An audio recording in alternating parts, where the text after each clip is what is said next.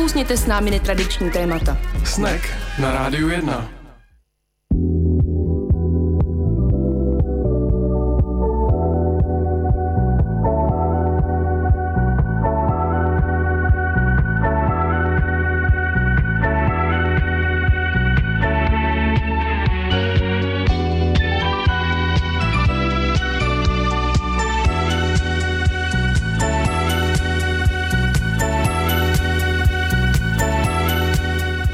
Pěkný podvečer po 6. hodině i v červenci na rádiu 1 pokračuje pořád Snack a ve studiu je Tomáš a Anička. Ahoj. Ahoj.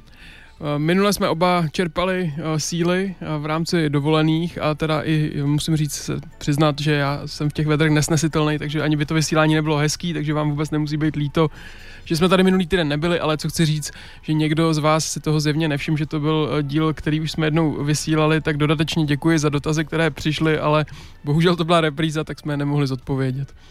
Bohužel je to tak. Co jsi dělal hezkého? Uh, my jsme se vydali do Beskyt, na, na, na prodloužený víkend od naší kamarádky Magdy, která tady jednou byla jako host, jsme dostali i tipy, kam se, kam se vydat, tak eh, kromě té cesty, která je teda opravdu příšerná po dálnici, eh, tak eh, to byl moc hezký výlet, ale měli jsme takový jako kulturní šok, že jsme se omylem, protože jsem zase já nepřemýšlel, vydali na Pustevny a na Radhošť v den cyrilo-metodějských poutí. Mm. A po dlouhé době jsem viděl, jak vypadá teda v novodových představách česká pouť, tak to pro mě byl jako velký šok. Docela tvrdý, no. Jako trdelníky, hrnečky s pejskama, kabelky, pásky a samý takovýhle věci. Sokoly tam nebyly, orly tam taky nebyly, to jediný by asi stálo za to, ale opravdu hrůza, teda musím říct, jako co na všechno vyvezli na ten kopec, to jsem teda zíral.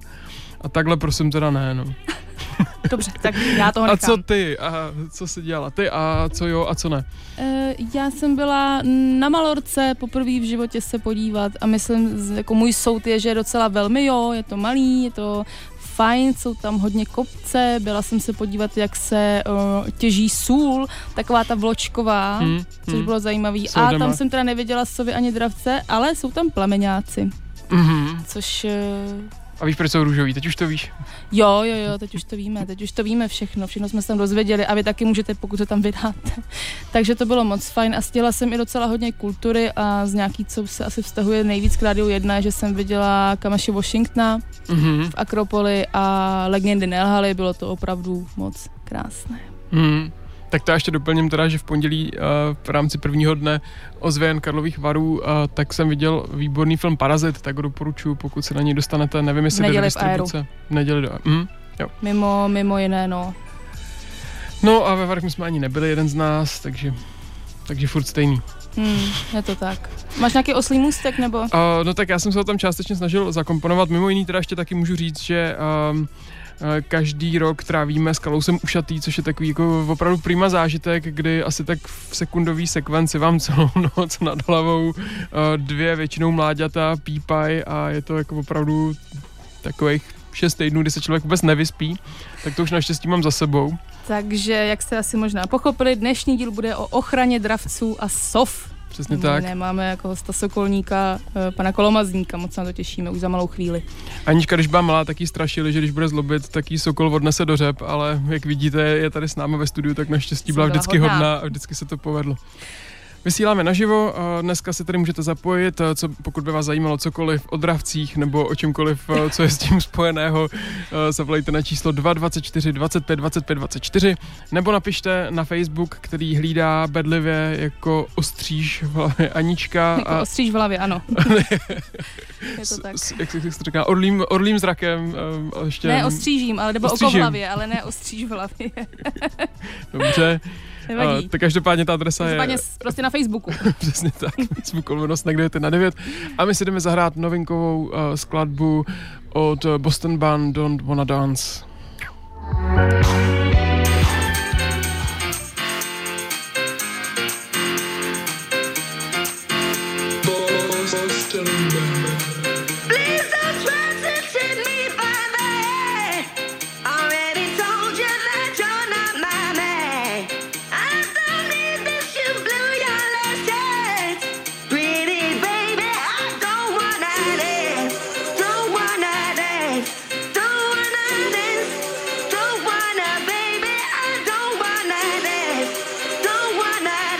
No.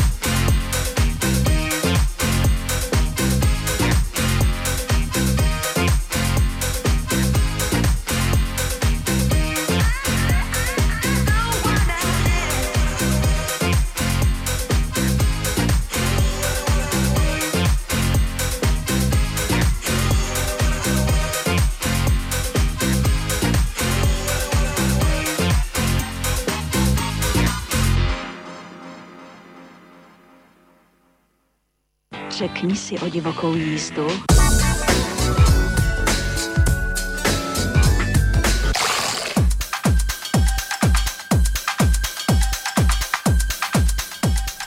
Já jsem se ještě vzpomněl na jednu příhodu, kterou mám spojenou se svou prací. Uh, to je v takovém městě, kde se vyrábějí auta a uh, v tom městě je velký komín a na ten komín lítají sokoly. A my jsme tam nainstalovali webovou kameru, takže se mohou uh, zaměstnanci, veřejnost, kdokoliv prostě koukat uh, na ty sokoly a většinou, uh, když vyvedou mláďata nebo tam při, přiletí, tak to zveřejníme, aby jako všichni měli možnost ty sokoly v té budce tam vidět a naši zaměstnanci na to reagují tak, že nám píšou maily, teď tam nejsou, vykřičník. Takže v ten den toho zveřejnění my třeba dostaneme jako 130 e-mailů od zaměstnanců, kteří jsou naštvaní, že klikli na ten link a nic neviděli. tak milí posluchači, ne vždycky je možné dravce vidět. To možná bude poselství, které z dnešního povídání vyplyne. A to jsem zvědavá. Budeme si povídat s Petrem Kolomázníkem ze Združení pro ochranu dravců a Sof Pentea. Dobrý den. Dobrý den. E, začnu tím, že sokolnictví je od roku 2016 zapsáno organizací UNESCO. 20. 20, takže ještě díl takhle. No, a zrovna přímo české sokolnictví v tom mělo prý prsty. Tak, mělo, mělo. Sokolnictví e, je taková starodávná lovecká tradice a na našem území má skutečně hlubokou, hlubokou tradici už z doby Velkomoravské říše a doby přemyslovců. Takže my jsme vlastně na to náš moderní klub Sokolníků, chci říct, v moderní době jsme na to navázali. Náš klub vznikl v roce 1967 a myslím, můžeme si pochlubit, že jsme jednak poměrně veliký klub, organizace sokolnická v rámci celého světa a na vysoké úrovni naší sokolníci. Je dané i tím, že ještě v nedávné minulosti tady bylo hodně drobné zvěře, že sokolnictví je lov samozřejmě, takže ty naši dravci měli možnost i lovit, takže opravdu na vysoké úrovni a takovým důkazem toho bylo, když jsme dali uh, dohromady hlavy, jak to řekl, čes, čeští sokolníci a arabští a z Emirátů, mongolský a podobně a byl podán podnět vlastně pod UNESCO, takže skutečně na základě našich vlastně, řekněme, doznání, doporučení, musí ministerstvo kultury to musí ještě potvrdit, tak díky tomu bylo zapsané sokolnictví jako světové kulturní dědictví a je to od roku 2010. Bylo to na konferenci v Nairobi přijaté. A teď, když zmiňujete celý svět, tak ty postupy, jak se k těm zvířatům přistupuje, jsou tedy všude stejné? ten vlastní výcvik je všude stejný. Mm. Ten vlastní výcvik je založený na, na vlastně spolupráci s dravcem. Není to vůbec o nějakém poroučení, není to o nějakém, jak někdy si že to otroctví toho, toho dravce, je to na skutečně na dobrovolné spolupráci dravce s člověkem. Takže to je pták, má křídla a když ho vypustíte, co udělá, už je na něm. Samozřejmě je tím fyzikem veden, aby se vracel, ale je to na něm. A znáte třeba to číslo v procentech, jaká je úspěšnost eh, těch dravců, kteří s vámi spolupracují a naučí se, eh, co po nich požadujete a naopak ti, kteří prostě odletí a nemají chuť se něco učit?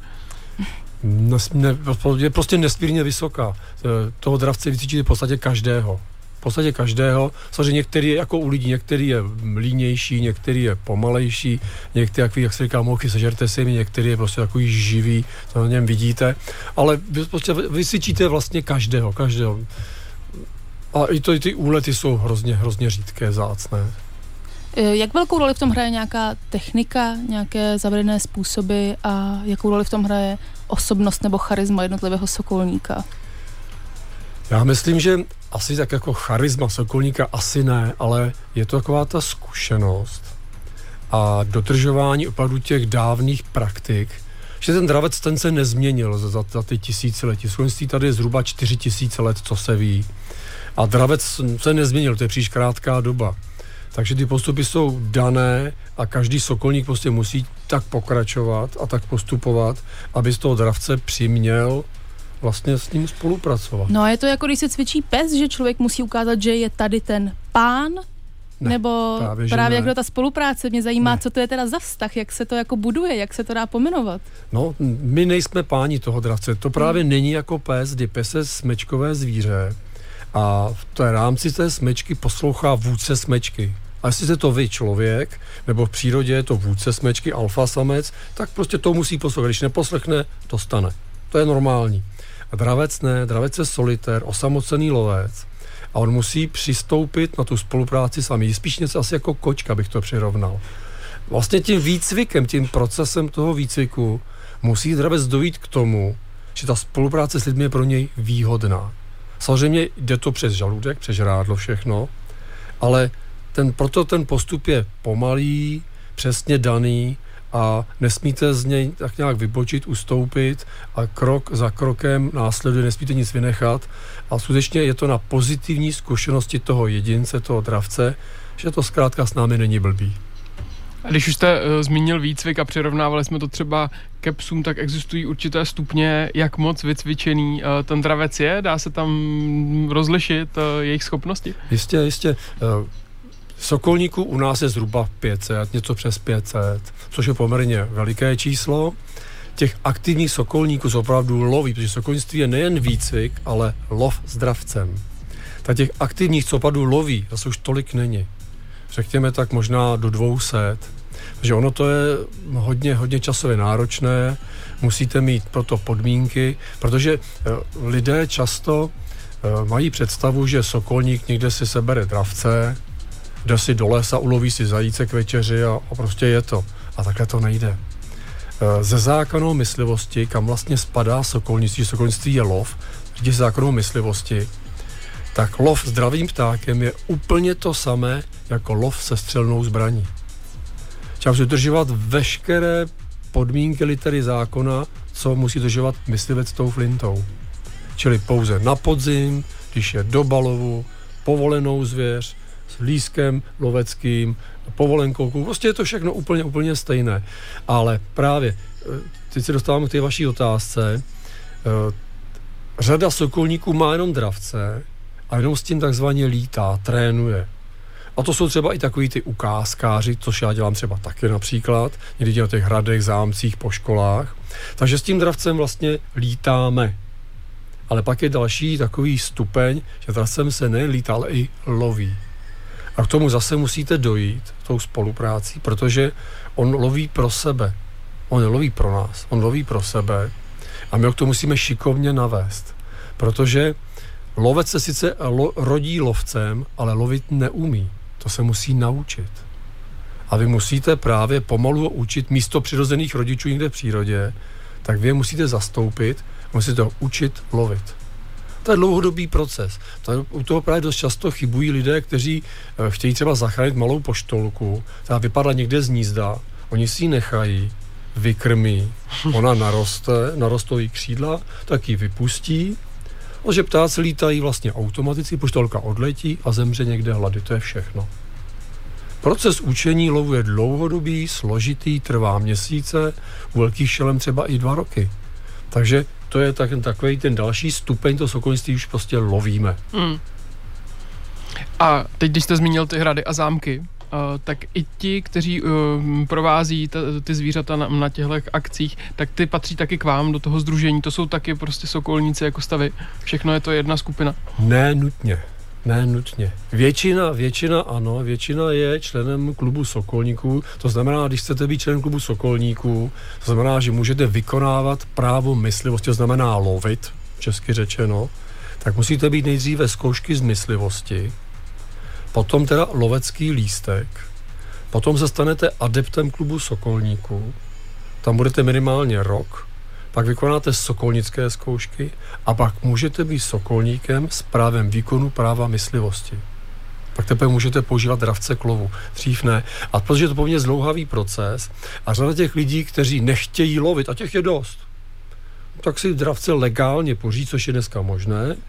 A pokud si jim tak lítají a neloví, tak nic jim tom nebrání. Mm-hmm. Čili většina ukázkářů jsou sokolníky, sokolníky s těmi všemi náležitostmi, co jsem říkal, ale někteří prostě jsou úplně mimo, prostě mají dravce, lítají si a ukazují dravce někde na těch sámcích. Rozumím tomu vztahu eh, sokolnictví a myslivost, ale jak je to teda teoreticky, ale prakticky je to jak? Je hodně sokolníků zároveň myslivci, kteří chodí s flintou někam na bažanty, nebo je to vlastně něco úplně jiného a spadá to do sebe spíš formálně? Spadá to do sebe formálně i prakticky, protože hmm. my jsme vlastně na myslivcích zcela závislí. A to uh, vlastně kořistí lovem a v míst, místem lovu. My můžeme lovit jenom v honitbách, kde se je povoleno prostě lovit ale honitby v podstatě téměř všechny mají propaktované, prostě propůjčené, myslím, propůjčená myslivecká združení. A, a jsou to združení nějaký ty, ty spolky, nebo jsou to nějaký státní, už je jedno, každopádně mají to e, propůjčený a lovit teda můžou, můžete, když vám to povolí. Když vám řeknou ne, tak lovit nemůžeme. Čili my jsme závisí v ohledu opravdu na těch myslivcích a skutečně řada, řada sokolníků jsou taky myslivce, účastní se i těch mysliveckých lovů s tou flintou. Ale řekl bych, že eh, to bude možná tak napůl. Já tyhle ty statistiky jako možná nikdo ani v klubu nevedl. Hmm. Kolik je takových těch sokolníků a pak sokolníků myslivců. Byť jsme jako by všichni myslivci, ale já sám nemám flintu a to vůbec neporozu střílení tak řekl bych, že to bude tak napůl, no, kteří loví i s tou zbraní, ale i dravcem, takže asi tak, no. Nás teď bude čekat předělová písnička. Milí posluchači, pokud byste se chtěli na cokoliv zeptat mimo vysílání, mimo éter, tak teď budete mít možnost nám zavolat nebo Aničce napsat na Facebook a pak se vrátíme zpátky s dalším vstupem, kde si dneska povídáme o sokolnictví. Jsem ještě neřekl, že dneska má svátek Libuše a Amálie. Anička mě asi doplní mužské podoby Libuš a Amál. Ne, ne, Taky? ne, ne. Můj genderový dneska ne. kalendář, dneska ten progresivní, dneska říkal jenom tohle. Tak za chvíli jsme zpátky.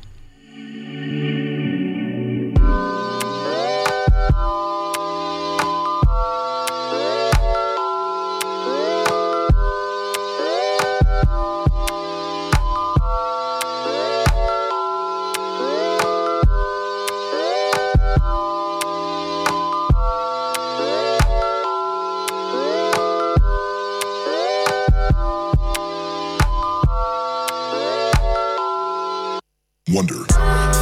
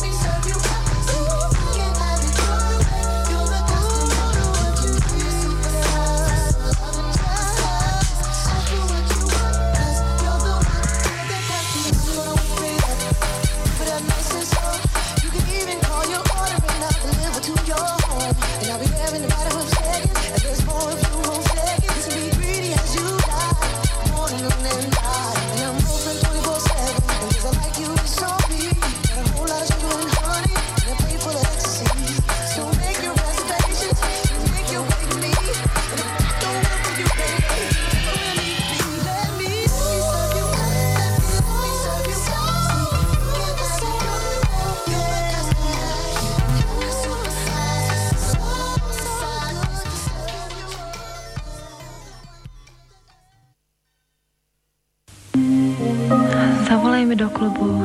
Vzrušuje mě, když slyším tvůj hlas.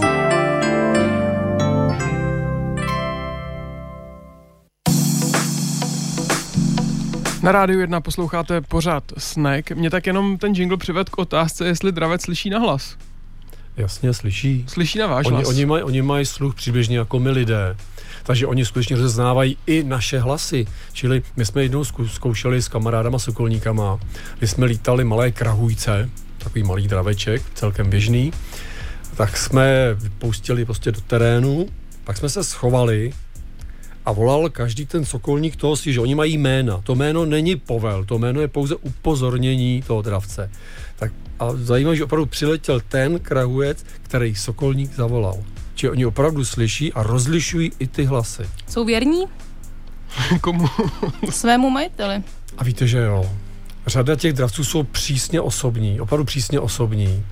A stalo se mi už moc krát, že jsem třeba převzal po někom dravce Hmm. a fakt jsem měl s tím problém, že ten dravec se mě bál, prostě takový odstup a trvalo dlouhou dobu, než si zvyk, že to je vlastně jiný obličej, jiný člověk, takže jsou docela takový v tomhle směru věrný, no. jsou takový osobní, osobní, no. Hmm. A ještě teda k těm jménům, takže oni neumějí povely, ale oni slyší, když zavoláte jméno, že voláte je. To je to, Tak, jak jo, funguje přesně. ta interakce. Přesně, přesně. Já vlastně zavolám to jméno a pro něj to je pouze signál. Hele, tam někde bude ten můj sokolník a bude mít zřejmě na rukavici žrádlo. Mhm. Měl bych přiletět.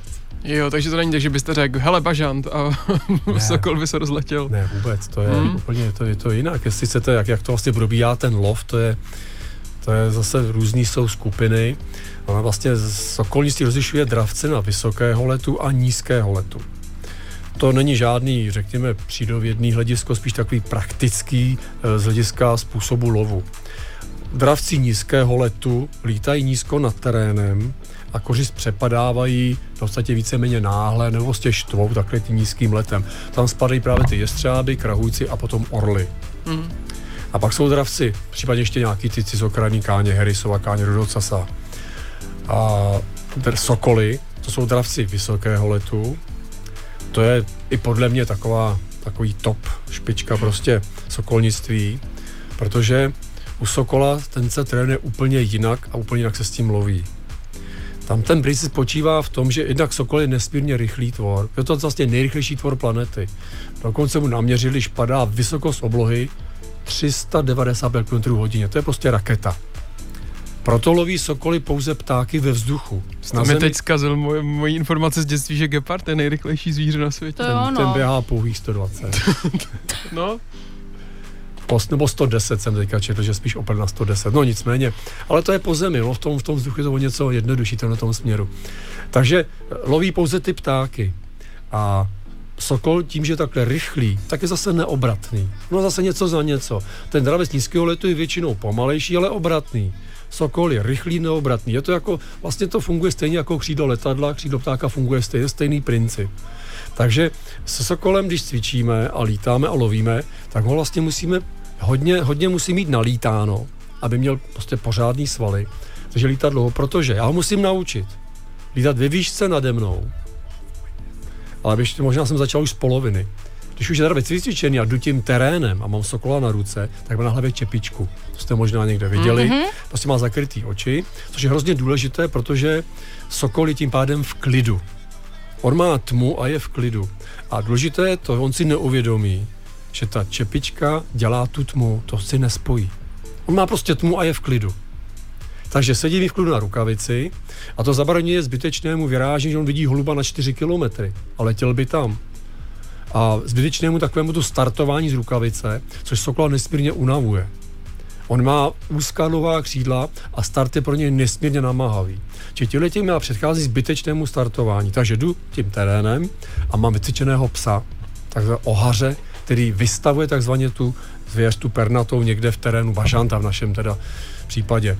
No a jdeme tím terénem a když teda pes mi najde někde, ukáže takovým svás tím postojem, že ukáže tím nosem, zvedne tu nohu a ukáže, hele, tamhle v máš bažanta. Tak já sejmu čepi, tu čepičku Sokolovi, zvednu a vypustím. Sokol vyletí, pes zatím stojí a ukazuje, že tam stále ještě je ten bažant. A když je Sokol vycvičený, tak v, kruhy, v kruzích letí, letí, letí, vystoupá 100, 200-300 metrů nad vás, to někdy trvá dlouho, a pak v kroužkách, v kroužcích čeká nad vámi. Když vidím, že má dobrou pozici, tam teprve potom povel psovi bažanta vyplašit, že ho pes skočí do křoví, bažant vyletí, no a sokol by měl tedy tím kolmým podstatě letem sletět a bažanta chytit. Pokud letí hodně rychle, má vysokou výšku, tak jak ho mít a v podstatě mu kopne pařátem a měří většinou na krk, na hlavu. Pokud letí trošku pomalej, tak ve vzduchu takzvaně váže, chytne a z kořistí padá na zem. Pokud kopne jenom, tak kořistí většinou zlomí vlast a to už jenom spadá bezvládně na zem. No pak na něm přistane a psovi dám po velkém a jdeme společně k tomu Sokolovi s tím bažanem. Či je to úžasná spolupráce mezi mnou, dravcem a psem. Mm. A ten Sokol, když je takhle vycvičený, a to je to úžasné, proto sokoliství bylo považováno vlastně za umění vždycky, protože běžný člověk si neuměl vysvětlit, proč se dravec vlastně vrací, co, co ho hmm. k tomu vede, on je vycvičen, umí perfektně lítat. Může lovit, teď už to umí. Vidí tu kořist na kilometry daleko. Co mu brání si odletět. Přesto se vrací a dobrovolně spolupracuje. A to je to umění sokolnictví. Já na tím sám často žasnu, že máte jako tečku na obloze a to má opravdu přehled 10 km daleko. A může kamkoliv zaletět a on tam opravdu čeká, až ten pes vyplaší toho bažanta a pak to prostě úžasná spolupráce, kterou právě docíte tím, tím výcvikem, no, který trvá hmm. u Sokola řekněme rok. My jsme tady během písničky měli dotaz od posluchače Pavla a ten se právě ptal na, ty, na tu druhou skupinu, eh, která není trénovaná k lovu, jako teď popisujete, ale jak je to s nimi, jestli oni taky občas něco uloví a, a nebo ne, konkrétně ho zajímalo třeba sousedovic kočka nebo něco podobného. Tak za prvý, kočka je velice těžká z našeho pohledu kořist. On má, má 10-20 drápů, ostrý zuby, kočka je fakt těžká kořist. To je první věc. Uh, ti, co neloví, a jenom si takhle lítají, tak ten dravec lovit neumí.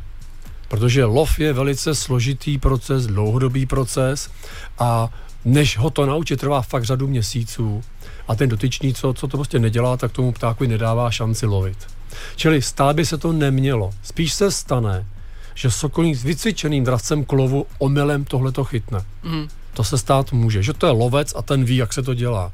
Pak nezběhneš s prosíkem kajícně přijít, velice se omluvit, případně otevřít peněženku a, a zaplatit. No. To se bohužel stává. Čili to jsou ty lovečtí dravci lovecky vedený, ale ten, co si jen tak lítá, tam ta šance, že to uloví, je hrozně malá, protože lovec je vlastně v podstatě velmi nevýkonným lovcem. Mm. On nemůže být výkonným. To by mm. lovil všechno a to by příliš nefungovalo že lovci drží tu rovnováhu, selekci a loví to až 15 zvířata. Čili eh, z toho bych strach neměl. No, ale měl bych strach, bych, že narazím na sokolníka omylem eh, s vycvičeným dravcem a to pak je trošku jiná kategorie k lovu, teda cvičený. Já bych se teď ráda dostala uh, k lovení jako k biologické ochraně, což funguje třeba na letišti, o čemž já jsem dodávno neměla ani uh, hmm. páru a to je vlastně i věc, ve které se vy, respektive váš spolek angažujete, říkám to správně. No přímo, přímo já nedělám biologickou ochranu, mm-hmm. přímo já osobně ne. Na těch letištích jsou přímo zaměstnanci letišť, a tohle to má dneska každé, v podstatě letiště každé, ať je to vojenské Ruziň, ať je to Čáslav, ať je to civilní Ru, vlastně Ruziň, Vyško... Beli. Beli, Beli, to je vojenské, tak vojenské, k Beli, Vyškov vojenské, ne, Čáslav, Vyškovsna taky, tam jsou taky mm. Prostě dneska každé letiště má. A proč? No, protože uh, ta biolická ochrana je hrozně důležitá pro bezpečnost toho letu. Letiště jsou taková krásná, otevřená prostranství a tenká nízká travička a to hrozně láká spousta, spousta ptáků. No a když letí letadlo a vrazí do hejna, to je velký problém. Může to nasát turbína, rozbít čelní okno, v podstatě po letadle, v horším případě může letadlo i spadnout. To se hlavně týká startu a přistání. My děláme výstavy sokolnické a tam nám je taková smyčka, tam jsou právě zábery, co dokáže udělat střed letadla s ptákem. To je docela, docela jako ošklivá záležitost. Mm-hmm. A právě na těch lidí se používá sokol, že sokol je lovec ptáků a když se objeví sokol, tak budí mezi ptáky děs a hrůzu. Ty prostě prchají. Či musíte lítat se sokolem a musíte s tím lítat a lovit. Musíte lovit. Protože pokud nebudete lovit, tak to zvířata velice brzy poznají, on si jenom lítá. Nemá cenu někam lítat. Proč bych letěl pryč? No, je to vlastně možná, znáte i třeba z dokumentů z Afriky, jak jde po savaně smečka lvů a míří si to rovnou na stádu antilop. Když se ta smečka lvů jen tak jde, tak se antilopy jenom takhle rozestoupí tu smyčku nechá normálně projít. Prostě ví, že neloví. Ale běda, když lev není vidět. To je něco jiného tak to jsou potom ve střehu a dávají si pozor. A s tím dá se mi to to samý. Prostě ta zvířata díky tomu, že jo, miliony let soužití, lovec a kořist, a ona ví, kdy ten lovec je na lovu nebo kdy si jen tak jde. Čili to, ta velice ochrana znamená, nestačí jenom lítat, musíte lovit musíte aktivně lovit. A pak to má smysl, takže se to používá na těch letištích, používá se to na různých rybízovištích, najímají si sokolníky na, na, no, na víno na těch vinohradech, mm. na podzim, když se slítne hejno špačku, tak věřím, že to je prostě průšvih. Mm. Když se tam sledí tisíc špačků a každý si tam naklove deset zrní těch eh, kulíček, tak to je prostě problém. Čili tohleto na skládkách dost často jsou sokolníci, protože tam zase jsou ty obrovská hejna radsků, havranů, který roznášejí takový ten pořády do širokého okolí. Tam všude sokolníci nalizají v tomto směru uplatnění. Čili biologická ochrana a nejčastěji používají právě sokoly, čili to ochrana proti ptákům. Odehnat zaplaší ptáky. Eh, používá se to i třeba ve městě proti holubům? Ne, to nejde. Eh, to se nás moc krát snažili uh, přesvědčit, abychom někde lítali se sokolem. Skutečně přímo mě osobně hmm. několikrát, a to prostě v městě nejde. Na hlubě vlastně výhradně ten sokol. Mm-hmm. A sokol musí mít veliký otevřený prostor. Hmm. Že pro sokola kilometr deset žádný problém. Hmm. Já jsem tady zmínil, mě uletěl Sokol a měl jsem jednou, jsem měl tady z Prahy, tak jsem ho měl v Plzni a druhého jsem si jel až do Popradu v Tatrách. Takže to opravdu ve městech se lítá strašně špatně s těma sokolama, takže tohle to prostě nejde. To nejde. Já jsem se i dočetla někde, že uh, si lidi mysleli, že tam na těch letištích jsou sokoly kvůli tomu, aby eh, jak si chytali drony, nebo tak něco, ale to je asi hloupost. Ale mimo jiné tam potom psalo, že naopak se drony využívají při výcviku. No, no, no my používáme drony při výcviku. Takže začnu ten, ten začátek, jste no, říkala. No, no, no. Uh, já jsem dokonce viděl, snad někoho někud z Holandska, jak orel bělohlavý někde v nějakém snad uzavřeném prostoru, nějaký hale, chytil drona. Já si to neumím vysvětlit, protože ten dron má ty vrtulky. To je nebezpečné a, asi, a je to, že? fakt je to nebezpečný, mě se kolikrát už ten dron taky švinul, já s tím trénu s dronem a to fakt je síla, to jako, to si neumím představit, jak já jsem že to byla nějaká fotomontáž nebo něco, no, já se neumím představit, protože že by přiletěl ten orel a čapnul drona, to, to prostě Nevím, to neumím vysvětlit, podle mě to naprosto nemožná věc. Ale to trénování tím těmi drony je hrozně dobrá věc. Používají se buď draky, obrovské draky, jako ty klasický, co na podzim se honí na polích, anebo drony. Drak se používá, když vítr a dron, když není vítr. A je to právě pro ty sokoly výcvik, protože musíte tomu sokoli vysvětlit, že má lítat nade mnou ve výšce. Jak mu to chcete vysvětlit? Tak se to dělá, že se použije ten dron, pod něj se navěsí na kolíček, který se vytrhuje, takzvané vábítko, což pro toho sokola představuje kořist, No a ten dron prostě vyletí do výšky a Sokol tam letí, vytrhne. Samozřejmě začínáme na pěti metrech, na deseti, padesáti, sto, dvěstě, třista a tak dál. A tím vlastně učíme, že má lítat u mě a do výšky a nesmírně tím trénuje že ten let nahoru je nesmírně fyzicky náročný. Hmm. Čili od té doby, co používá tyhle ty drony a draky, to sokolnictví těma sokolama šlo hrozně nahoru. To prostě dneska paráž, vidíte jste na nějakém tom loveckém setkání, jak to lítá, to je prostě úžasná věc. Že opravdu ty drony jsou fantastická věc na tohle, to fantastická. Tak my teda zase přerušíme naše povídání, čeká nás reklamní brok a potom budeme zpátky už s posledním vstupem, tak neváhejte, jestli vás cokoliv zajímá, tak teď ideálně zavolejte nebo napište Aničce, ať se stihneme ještě do konce dnešního vysílání zeptat. Posloucháte pořád Snack na Rádiu 1.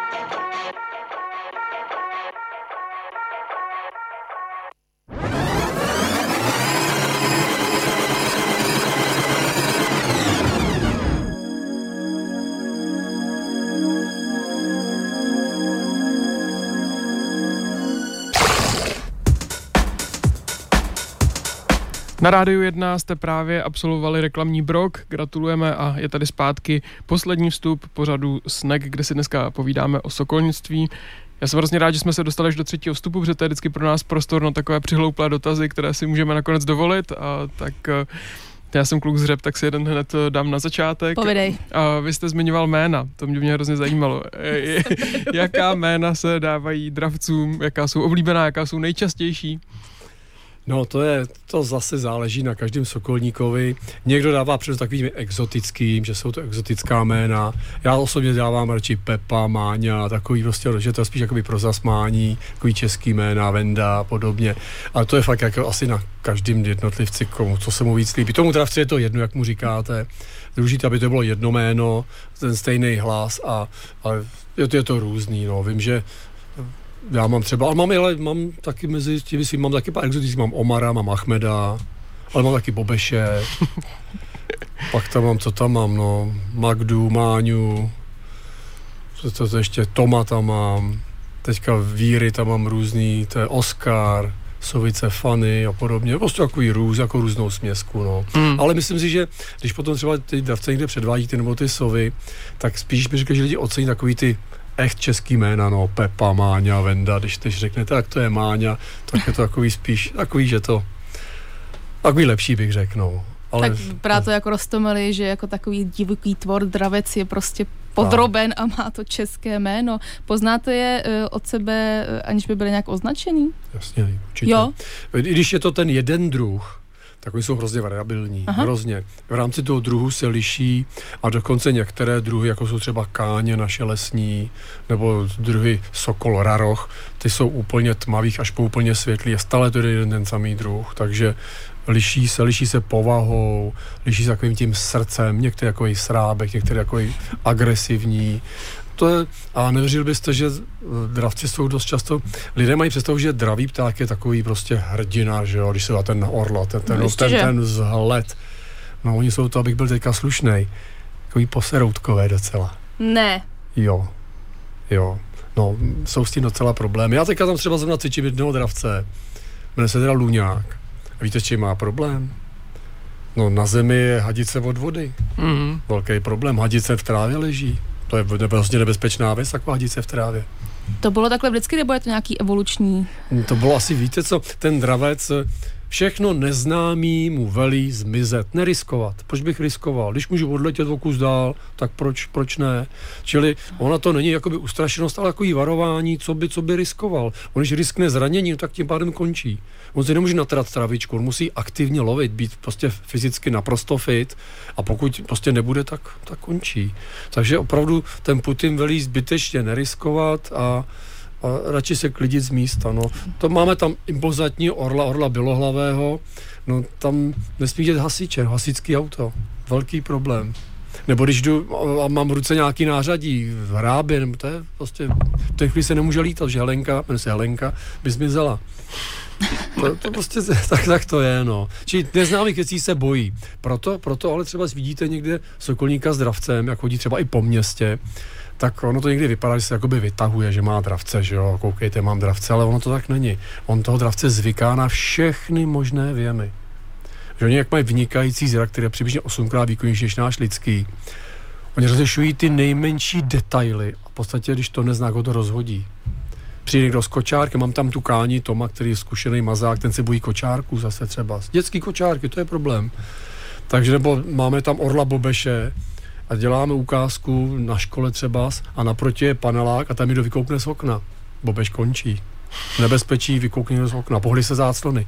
Hrozně nebezpečná věc. To je dekonstrukce uh, dravců přímém přenosu. Ty na vás budou dneska naštvaný večer, co jste o nich řekl všechno. Eh, Hlavně Vidím, hele, že máte jsou, jsou výjimky teda, jsou výjimky. Posluchači nevidí, že máte obvázanou ruku. Eh, jsou častá zranění ruky, nějaká klování, škrábnutí a tak dále? To jsou, jsou... jsou, no, jsou. To je taková moje neopatrnost, moje nešikovnost. A, protože pokud se jedná o krmení, tak neznají kamaráda. No. Hmm, a protože hmm. mají vynikající zrak, vynikající reakci, mnohem rychlejší, tak většinou jsou první. Jak dlouho se sokolnictví věnujete? Jo, to se ani neptejte. Nezajímám se tam, let, 50 let. tam se proto, jestli se začal už jako dítě, jestli je to vhodný koníček pro děti. Jo, no. Víceméně jsem začal už od těch 15 se věnovat uh, so dravců, dravcům, ještě ne sokolnici, ale dravcům. Já jsem chodil do kroužku ornitologického, mm-hmm. protože mě dravci vždycky hrozně zajímal, jak už jsem tam pečoval o káni, pak dokonce jsem pečoval jako nějakýho skalpovaný vestřá, pak tam někde byl v kleci. Až od malinka mě to prostě zajímalo, až posléze jsem se potkal se sokolníkama, prvními sokolníky a vlastně začalo to opravdové sokolnictví. No. A vy, když jste, pardon, když vám skočil do řeči, no. vy, když jste zmiňoval to, že, nebo vlastně to říkala Anička na začátku, že jste to sokolnictví chtěli registrovat vlastně celosvětově jako dědictví, tak vy, když se setkáte s jinými druhy, než jsou tady v České republice, tak je to pro vás velká změna, nebo ta práce se všemi těmi dravci je podobná? Je podobná, je podobná, ale abyste zase, abych vás trošku vedl, uvedl na pravou míru. Na světě 290 druhů dravců přibližně. Ono se to liší, že dneska rozdělují většinu živočichů, dělají podle DNA rozboru, ale docela přišli zajímavým, zajímavým vlastně, uh, bych to řekl, nálezům. Mm. Takže sokoly třeba nejsou dravci, sokoly jsou příbuzní papouškům a pěvcům. Jo? Ale protože dřív se vlastně ta, ta, ta systematika se dělala podle, podle vlastně tvaru, morfologie, tak je do jedné skupiny. Ale kondoři jsou jiný, Ostatní dravci jsou jiný, sokoly jsou jiný, ale jsou umělé skupině dravci. No a teď, co, co, co, jsem, to, co jsem to říkal? Je pro vás jiný, když najednou cizí. potkáte nějakého cizího. A k tomu sokolnictví můžeme používat tak možná 10 druhů dravců. To mm-hmm. jsou lovci. Ostatní jsou takový, jak říkám, myšožrouti, žabožrouti a mizožrouti a na sokolnictví se vůbec nehodí. Mm-hmm. Takže ono je to v podstatě jenom pár druhů dravců a ty se moc neliší. A když je vyjmenuju, orel skalní, pak nějaký pralesní orel, to je ale naprostá rarita tady, když by byla. Pak se používají sokol, stěhovavý sokol, raroch, sokol, raroch lovecký, je střáb krahujec, osmý káně Harrisova z Ameriky a pak ještě káně Rudocasa z Ameriky. A to jsem na devíti. Možná bych ještě nějaký objevil, ale to je všechno. Takže ono to vlastně stejný. Jiný, jiný nepoužíváme. Hmm. Na lov, na lov samozřejmě na to lítání, vidíte, jak lítáme se supama, lítáme s kdečím, to takový to lítání můžeme vycítit každý dravce, ale na ten lov budu jenom několik málo. Jak na tom Česká republika s volně žijícími dravci? No, dravci, dravci jsou asi, víte sami, na vrcholu potravního řetězce. Mm-hmm.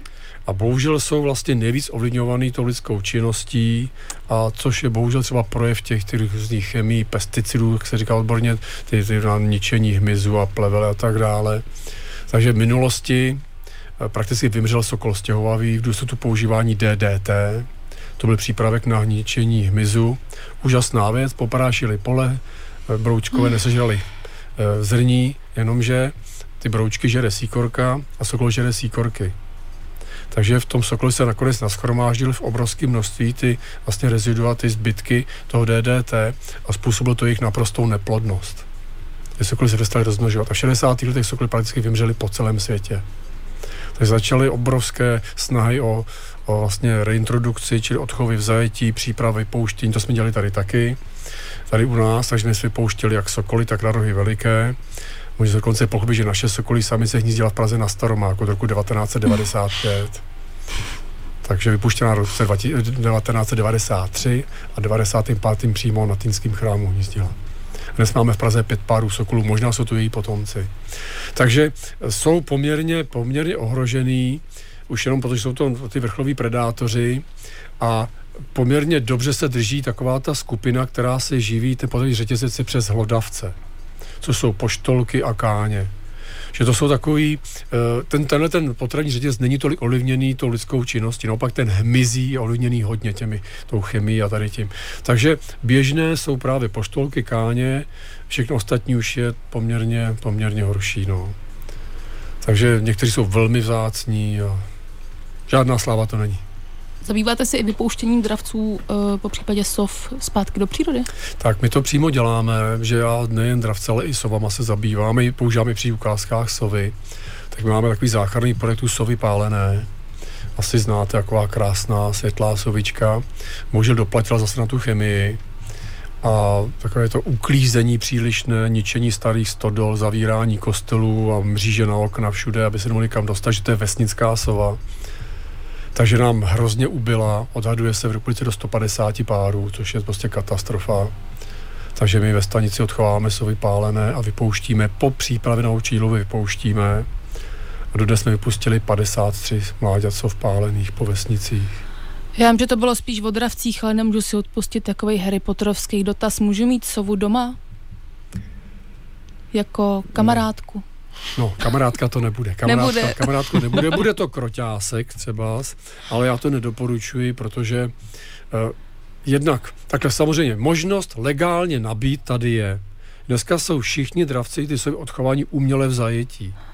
A pokud ten dotyčný jedinec má papíry, takovou tu občanku, tak si ho může vlastně kdokoliv pořídit, koupit. Ale tam je důležité to, on co sice může legálně nabít, takže to splnil podmínky zákona o ochranu přírody. To je jedna část. Ale druhá část taky musí splnit podmínky zákona ochrany zvířat proti týrání. Hmm.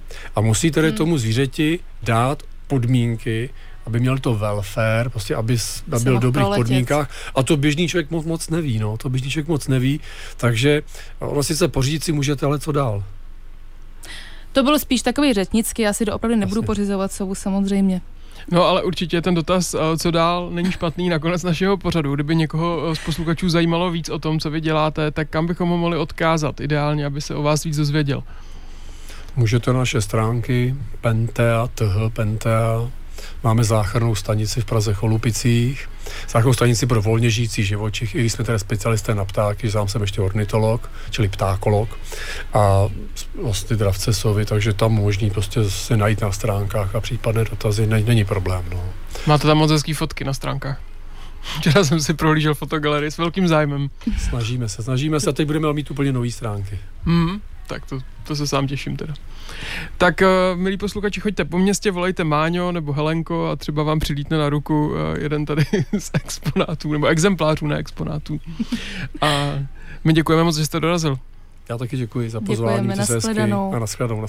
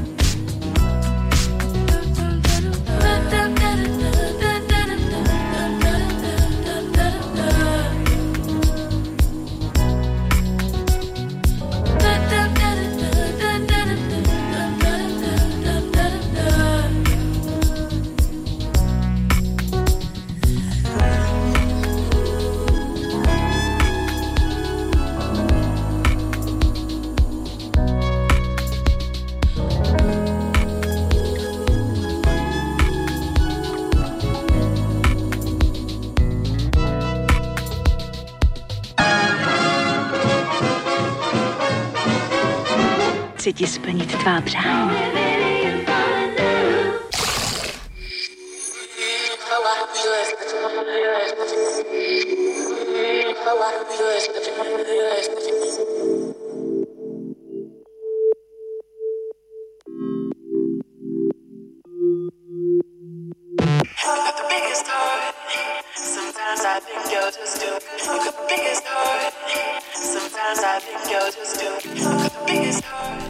Dnešní snack eh, je už na svém konci a tak je tu pravidelné schrnutí okénko Anče uh, s poselstvím.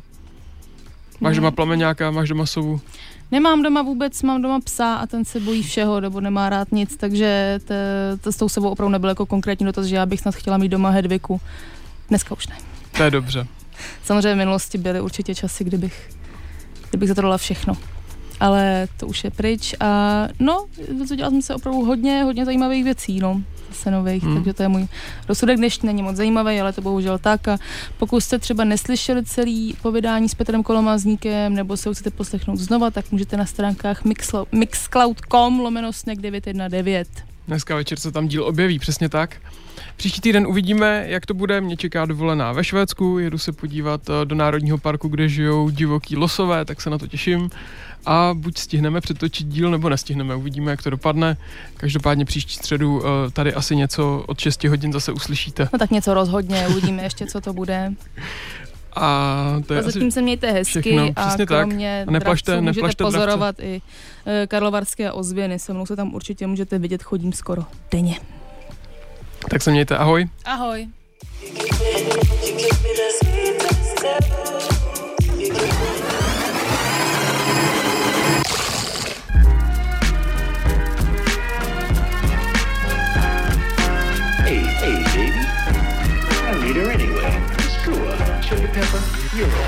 Snack. Svačina pro váš metabolismus se podává každou středu od 6 na 919 FM.